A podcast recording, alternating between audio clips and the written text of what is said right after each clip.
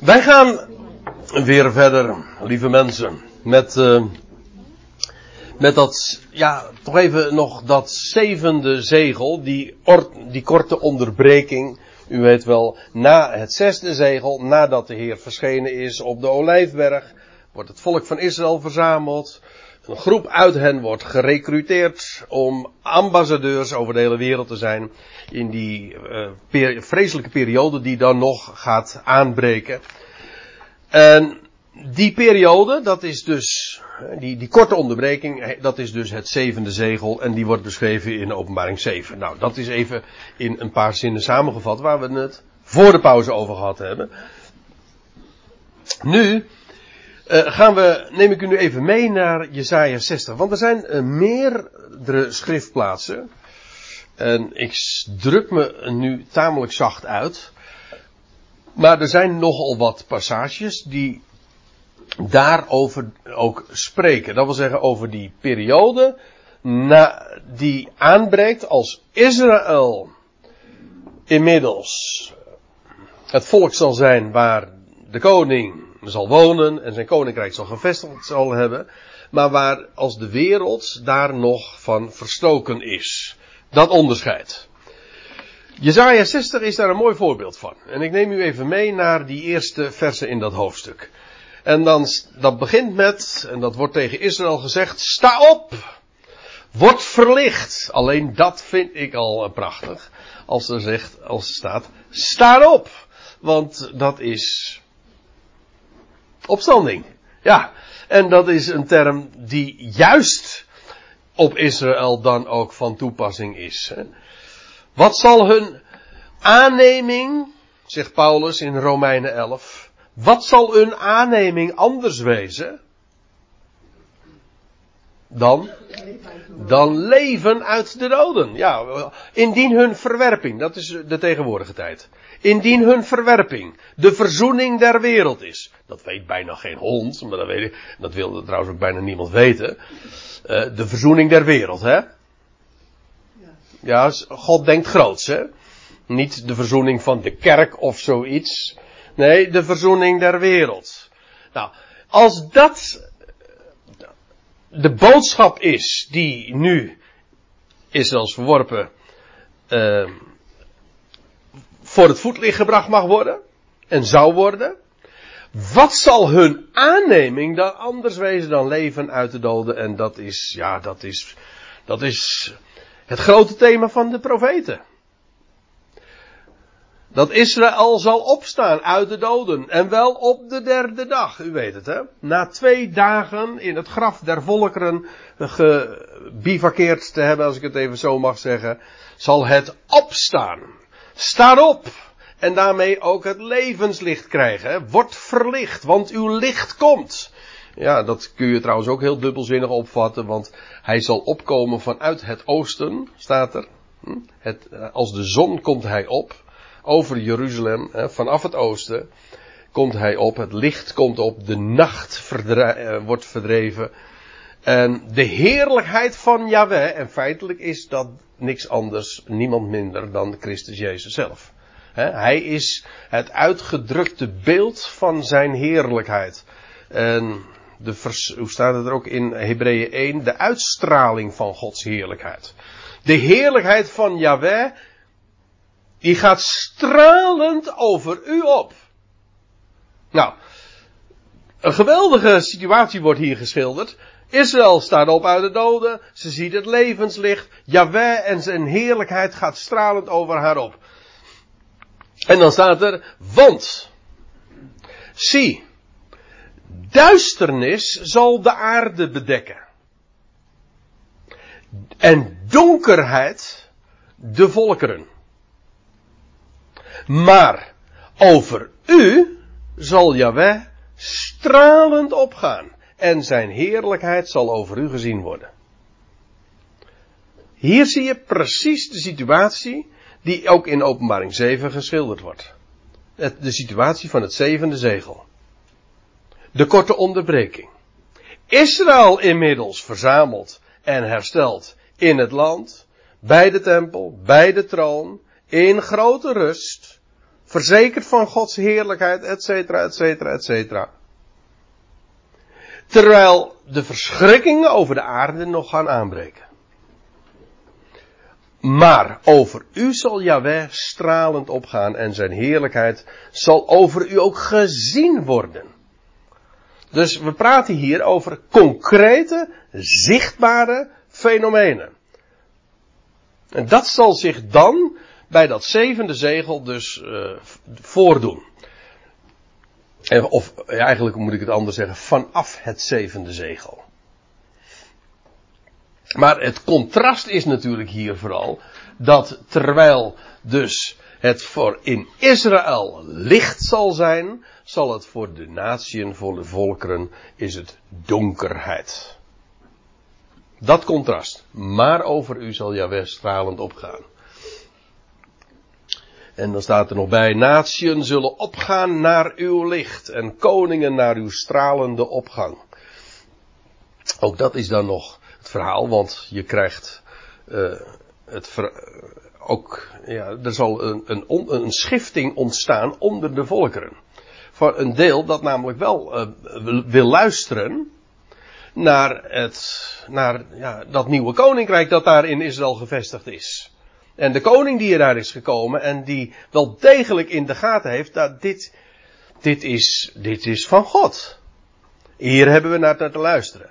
Ja, en, uh, en zij, uh, dus je krijgt, uh, om, het, om het anders te zeggen, je krijgt dus schapen en je krijgt bokken.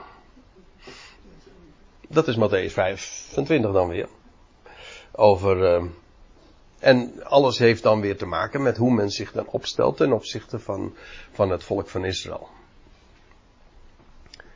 Nou ja, dat is weer een ander onderwerp. maar het idee is uh, volkomen helder. Dat grote contrast tussen Israël en de volkeren op dat moment dus. Het koninkrijk dat gevestigd wordt. Zie, zie je dat hier eerst een, een bruggenhoofd. Ja, dat is wel een mooie term in dit verband. Een, een Israël als bruggenhoofd uh, fungeert.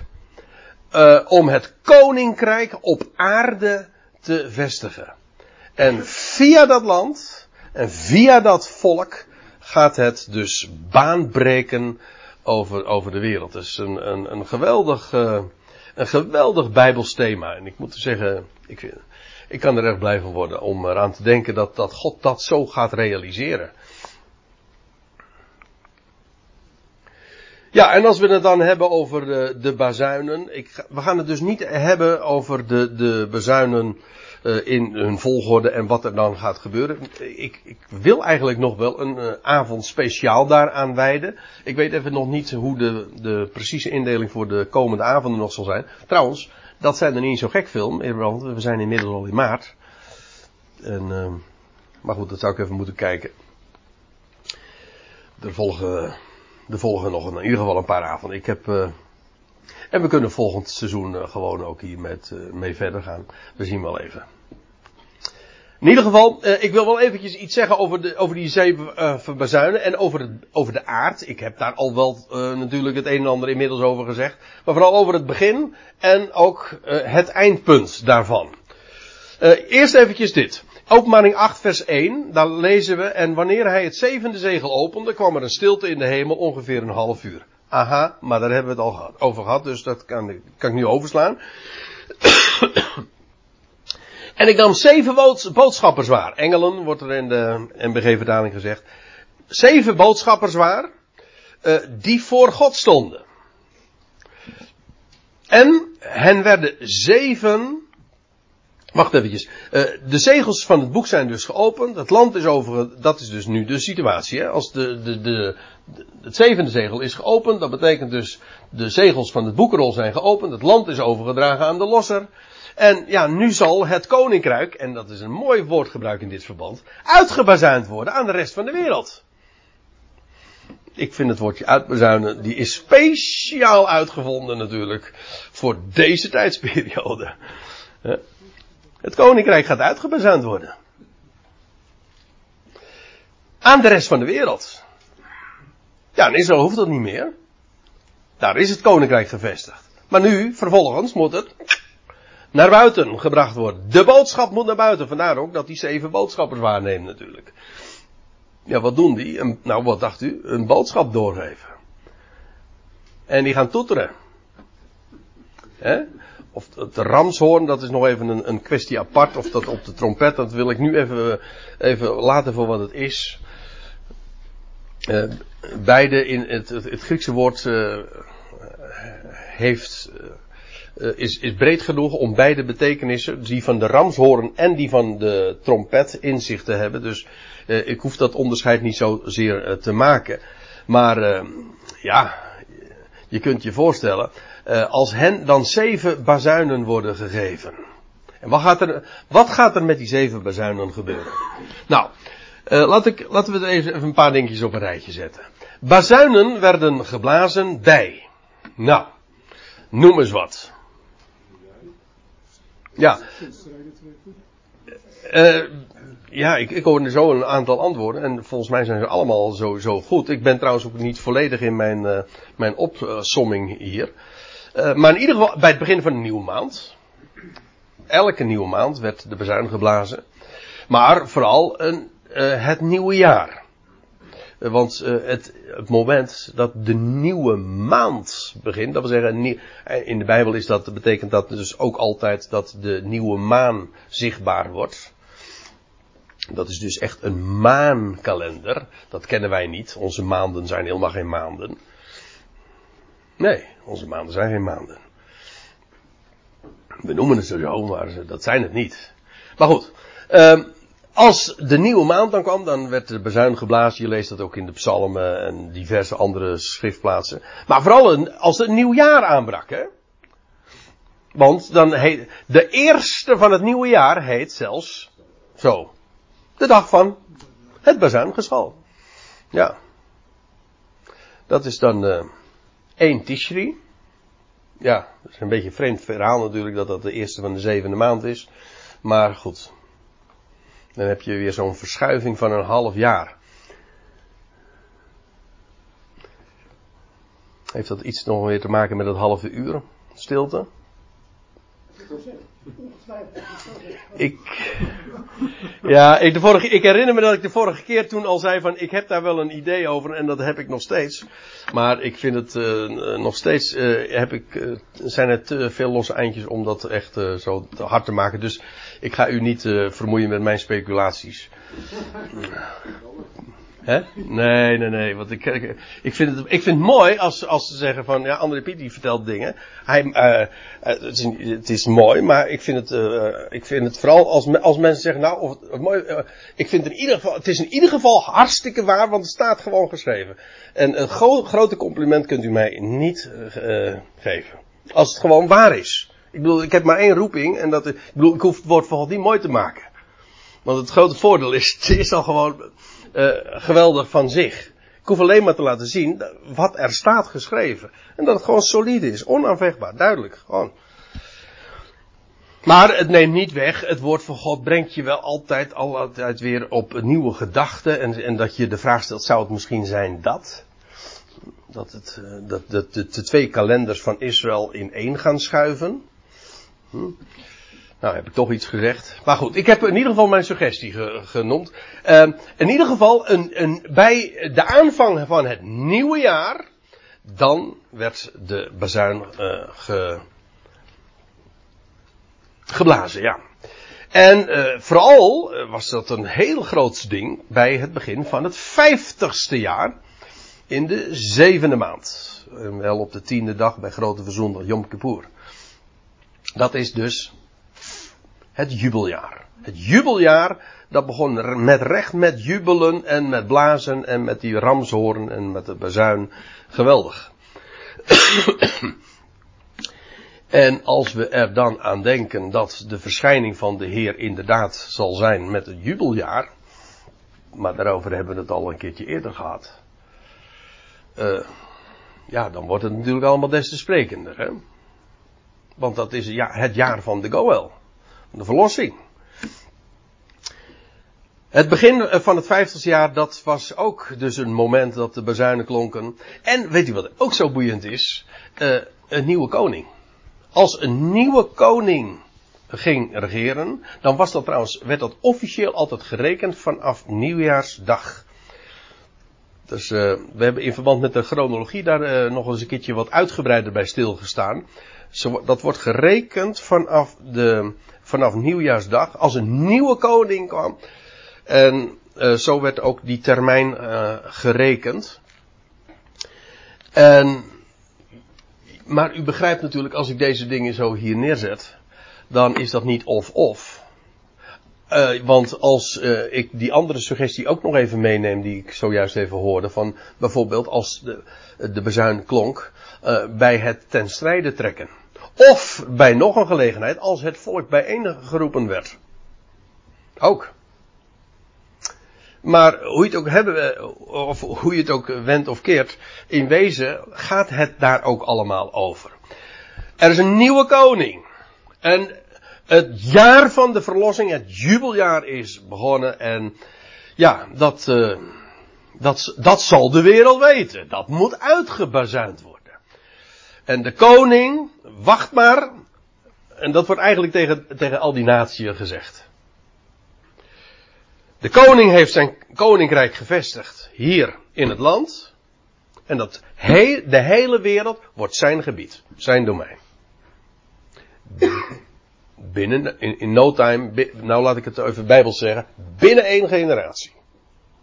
Gaat dat gebeuren. Zegt het woord.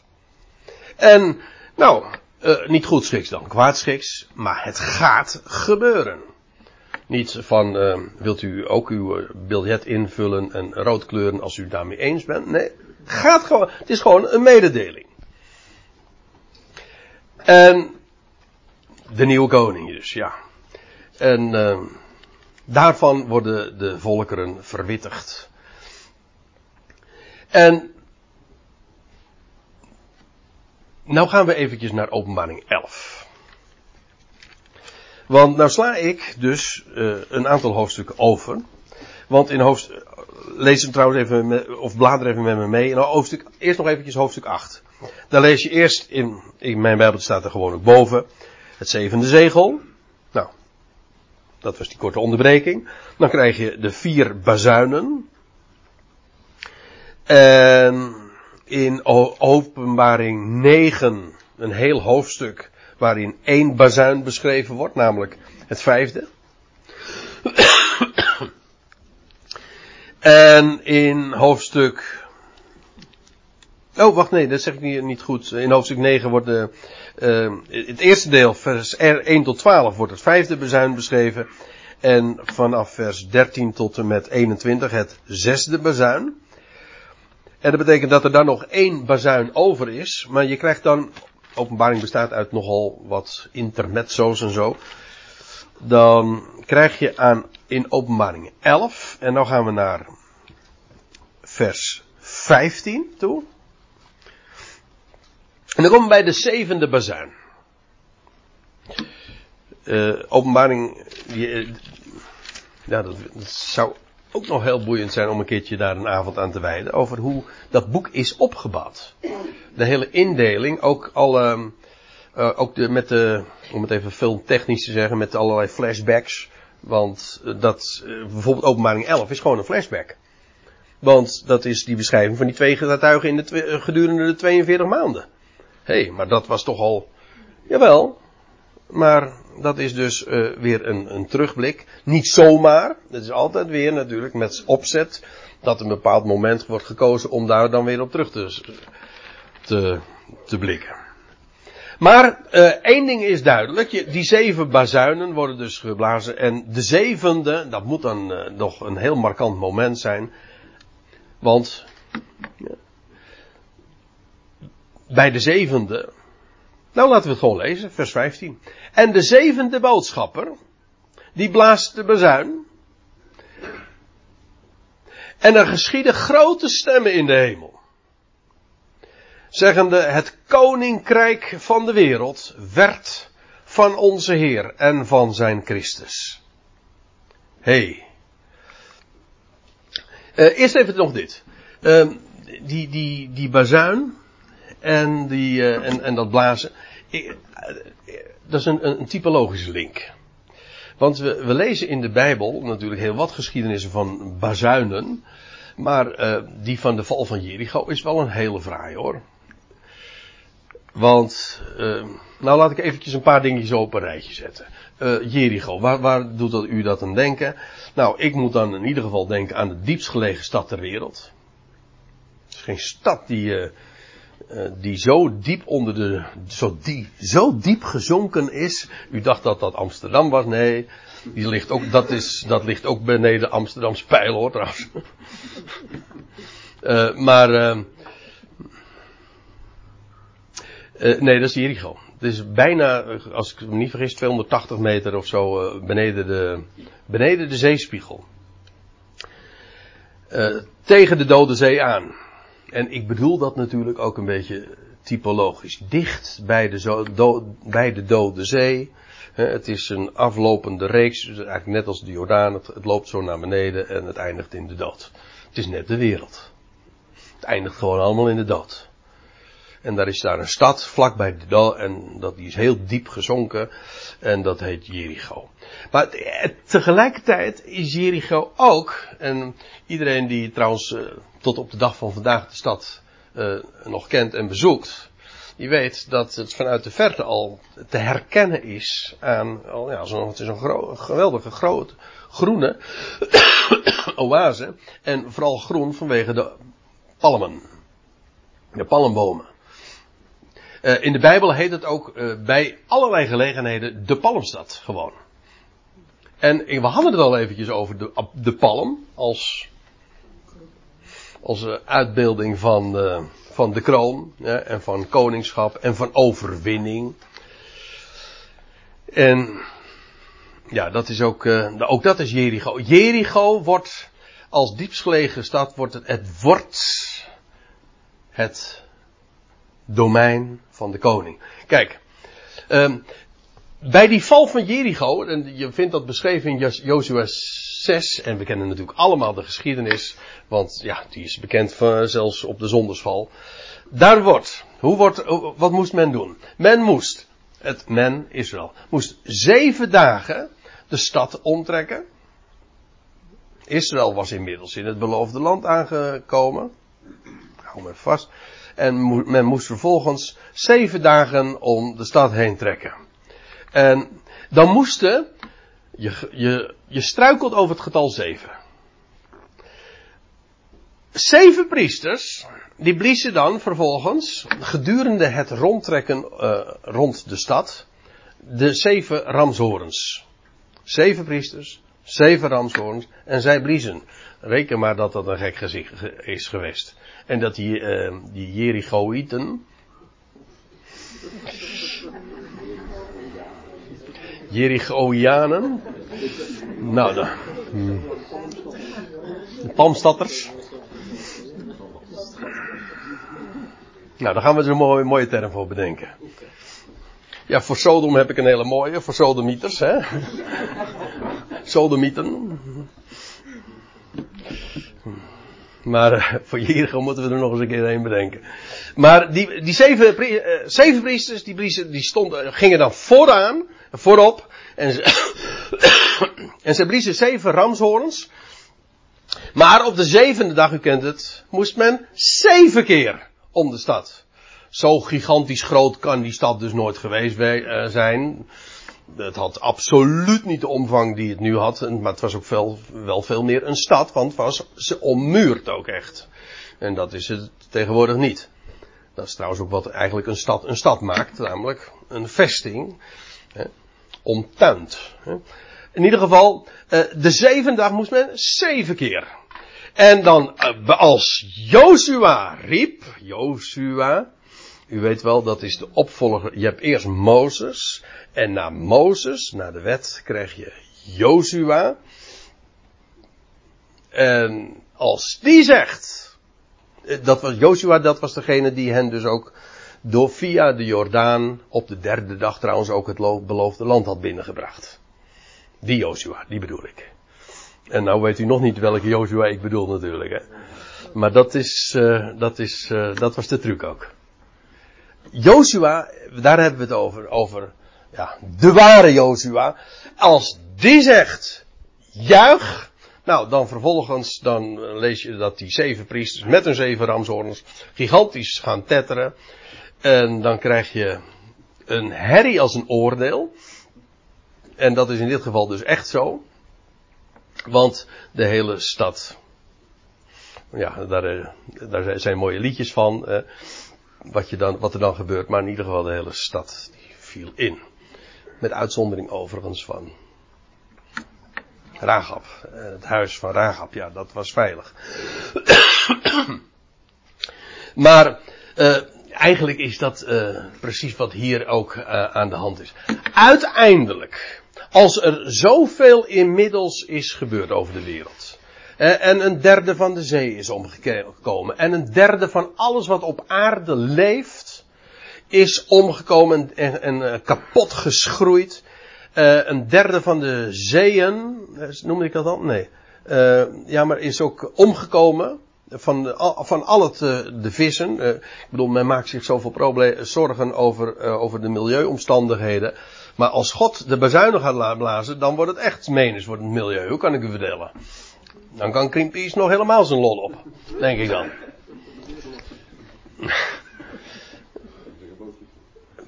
Ja, en weet u, als dan al die oordelen hebben plaatsgevonden, dan krijg je de zevende bezuin. En eigenlijk, met die, met die, met, eigenlijk is het zo, als de zevende bezuin klinkt, dan is het gebeurd. Het is eigenlijk net als met de zevende zegel. Bij het zevende zegel gebeurt niks meer, dan is, dan is het compleet. En dan is er pauze. En nu bij de zevende bezuin, nu is het moment inderdaad aangebroken.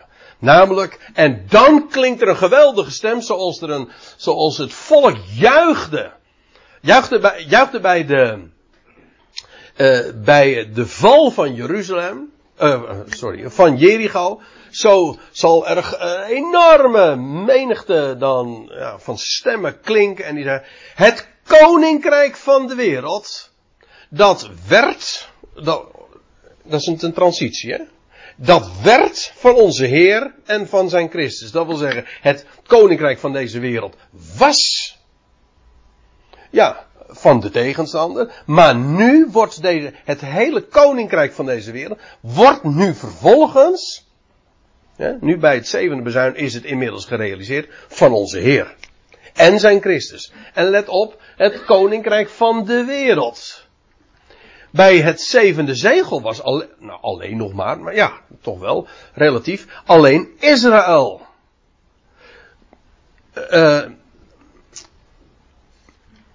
daar was het koninkrijk gevestigd. Maar dat koninkrijk zou wereldwijd gevestigd worden. Bij het zevende koninkrijk is het zover. Dan is de wereld het eigendom, daadwerkelijk, concreet, en vanaf dat moment is dus heel de wereld onderworpen aan de koning. Dat wordt later dan ook trouwens weer op andere manieren uitgelegd in het boek Openbaring. Het betekent trouwens ook de aanvang van de duizend jaren. Het is het einde van de aion. Maar daar gaat het nu even niet om. Ik wil eventjes bij dit vers blijven. De zevende bezuin betekent en dat markeert de aanvang van het koninkrijk dat wereldwijd zal aanbreken. En dat is, ik vind dat, ik kan dat niet genoeg benadrukken om dit hele, hele idee van zegels en bezuinen te begrijpen. De zegels hebben te maken met Israël. De bezuinen hebben te maken met de volkerenwereld. Bij het begin van de bezuinen gaat de, de boodschap uit over de wereld en moet het koninkrijk nog aan uh, gepredikt worden, maar ook uh, moet, het, moet de wereld ook nog daadwerkelijk onder de slag van het koninkrijk komen. Bij het zevende bazuin is het inmiddels zover. En dan is de Heer en de Christus daadwerkelijk koning oh, in Jeruzalem nog steeds, maar inmiddels is dat, dat, dat die stad Jeruzalem niet alleen maar de hoofdstad van Israël, maar de hoofdstad van de hele wereld geworden. Kijk, dat is het verschil. En Het koninkrijk van de wereld, dat werkt van onze Heer en van zijn Christus. En hij zal koning zijn tot in de ionen van de ionen. Wat een transitie, wat een enorme overgang. Nu is heel de wereld inmiddels zover. Bij de zegels alleen nog maar Israël. Maar nu de bezuinen allemaal geklonken hebben, is heel de wereld van ja, de enige rechthebber. Namelijk van onze Heer en ja, God en zijn Christus. Dat wil zeggen zijn Messias, zijn koning. Die hij gesteld heeft te Jeruzalem. En hij zal koning zijn. Tot in de ionen van de ionen, zoals dat zo vaak in de Bijbel wordt uh, uh, beloofd en aangekondigd, toch? Zoals de, de, de engel Gabriel dat ook tegen Maria zegt. En hij zal koning zijn over het huis van Jacob. En ook te midden van het huis van Jacob tot in de Ionen. En aan zijn koninkrijk zal geen einde komen. Dat is trouwens een groot verschil nog, hè? Hij zal, hij zal heersen tot in de Ionen en aan zijn koninkrijk zal geen einde komen. Dat zal hij namelijk uiteindelijk overdragen aan zijn God en Vader. Kijk, hier begint dus Christus wereldwijde koninkrijk. Dat is het zevende bezuin. Dat is het grote kenmerk van uh, wanneer de zevende ramshoorn of de zevende trompet of in ieder geval de zevende ja, bezuin, laten we dat uh, woord dan maar gebruiken, uh, geklonken zal hebben. Let op, hier begint niet een duizendjarig rijk. Dat is een, ja, dat is een dat is, een dat, is een, theologische term. Het, het duizendjarig rijk. Want dat is niet wat je in de Bijbel vindt. Het, de, de, die duizend jaren die uh, in het boek Openbaring beschreven worden, dat is niet het duizendjarig rijk van Christus. Ik, uh, met excuses aan uh, Johannes de Heer, die dat in het zoeklicht altijd wel zo noemde, het duizendjarig rijk. Wij geloven niet in, ik geloof niet, nee, in, uh, ik ben een Gideast. U ook? een Gideast betekent gewoon iemand die gelooft in dat uh, de duizend jaren nog gaan komen. Ja. Maar uh, ik geloof niet in een duizendjarig rijk. Waarom niet? Wel, omdat hij zal koning zijn niet voor duizend jaren. Kom nou. Hij zal koning zijn tot in de ionen van de ionen. Dat zijn de, de, de ionen van de ionen. Is een overtreffende trap. Hè? Het lied der liederen, het heilige der heiligen de koning der koningen en je hebt de ionen van de ionen. Dat wil zeggen, dat zijn de ionen die alle ionen overtreffen. En dat zijn in ieder geval twee. En inderdaad, dat begint met de duizend jaren en uiteindelijk ook in de nieuwe hemel en de nieuwe aarde en dat nieuwe Jeruzalem. Dat vanuit de hemel zal neerdalen. Dat is nog weer een groot ion. Het, is het leuke van de Bijbel. Ja, als ik het eh, zo mag zeggen. Het is geweldige van de Bijbel het, de heerlijkheid van God wordt steeds groter. Ook het, ook het koninkrijk krijgt een steeds groter en glorieuzer uh, karakter. Maar hij regeert dus niet voor duizend jaar. Het, enige wat, uh, dat is, denk ik wel om dat even goed scherp te hebben. Wat geteld wordt bij die duizend jaren is de binding van Satan. Niet de heerschappij van Christus wordt gemeten. Trouwens, uh, dat hier begint hij, hier begint hij ook niet te regeren, want hij regeerde al. Ja, feitelijk, hij begon al met zijn heerschappij in de hemel. Maar dat is op het moment dat onze wegrukking plaatsvindt. Zijn koninkrijk op aarde begint al op het moment dat hij op aarde zal, uh, zal terugkeren en Israël zal herstellen en zal gaan regeren vanuit Jeruzalem. Hier begint zijn koninkrijk wereldwijd.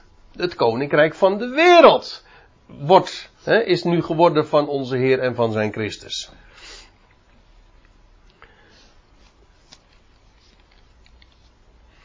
Ja, dus geen duizendjarig rijk. Ik overigens, uh, maar dat is uh, in dit gezelschap denk ik uh, ten overvloede. Ook niet zoals de, de vertalingen u wijs maken dat hier, want ik heb hier keurig tot in de ionen van de ionen staan. Dat is precies namelijk wat er staat. Maar, nou, je kunt er haast vergif op innemen. Dan moet ik uitkijken. Ik ben net ziek geweest. Dat uh, in de, in de MBG-vertaling staat dan uh, tot in alle eeuwigheid. En in de Statenvertaling staat tot in alle eeuwigheden. En in beide gevallen, uh, ja, dat deugt natuurlijk niet. De Ionen zijn geen eeuwen, eeuwigheden. Ionen zijn wereldtijdperken. Waar een begin aan is en waar een einde aan komt. God zij dank. En we hebben het er gisteren nog over gehad, Menno. Een, uh, een gesprek. Hoe gigantisch belangrijk dat is. Misschien is, mogen we daar dan toch eventjes mee afsluiten. Hoe enorm belangrijk dat het is. Als je, dat je dat zicht hebt. Want weet u wat het grote punt is? Als Aion eeuwigheid zou zijn. Dan is het evangelie geen evangelie meer. Dat staat er op het spel. Dan is namelijk een eeuwige straf een eindeloze straf. Of een eeuwig oordeel, of een oordeel tot in eeuwigheid, is dan een oordeel waar nooit meer een einde aan komt. Weg evangelie. Want de evangelie is nu juist, hij is de redder van alle mensen. Het evangelie is zo simpel. Maar op het moment dat Aion eeuwigheid is, en dat is precies wat de, de boze gelukt is, om zelfs onze Bijbelse vertaling door onze Bijbelvertalingen zo te vergiftigen. Ik zeg het nu, ik gebruik hele grote woorden nu, maar ik durf rustig te bezigen, want dat zorgt ervoor dat mensen verblind worden voor het evangelie van de heerlijkheid. Ze zien, ze kunnen het niet zien. Want als, als Aion een eeuwigheid is, eh, en de mens spreekt van ja, eh, opdat een ieder die in hem gelooft, eeuwig leven zal hebben. En dat betekent dus ieder die niet gelooft, die heeft geen eeuwig leven. En dat betekent dus dat komt nooit meer goed. Nou, heb je geen evangelie. Dit is zo verschrikkelijk fundamenteel. Om werkelijk het evangelie, het, gewoon het goede bericht te kennen. Dat is niet moeilijk. Ik weet dat sommige mensen zeggen van ja, maar dat is, dat is, uh, dat is hoger onderwijs of dat moet je alleen maar. Moet, weet u wat u moet doen? 24 maart moet u in uh, komen. Nou, u moet natuurlijk niks. Maar 24 maart hebben we een, eh, een goed berichtconferentie. Goed berichtconferentie. En uh, dat gaat over de boodschap van de redder van alle mensen. En wat daarvoor op het, wat daarbij op het spel staat en hoe gigantisch belangrijk dat is. We gaan hele avond, uh, hele dag daaraan wijden.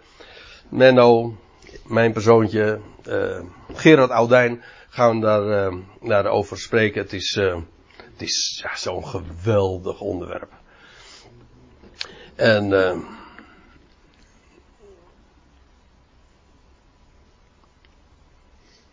wat wilde ik daar nog meer over zeggen? Nou, eigenlijk, volgens mij heb ik nou wel ongeveer de belangrijkste dingen daarover uh, gezegd. Trouwens, uh, als, u als u daar naartoe wilt, geef u wel eventjes nog op. Het is volstrekt gratis, zonder kleine letters, maar geef u wel eventjes op, want dat willen ze graag van het hotel hebben namelijk. Vandaar.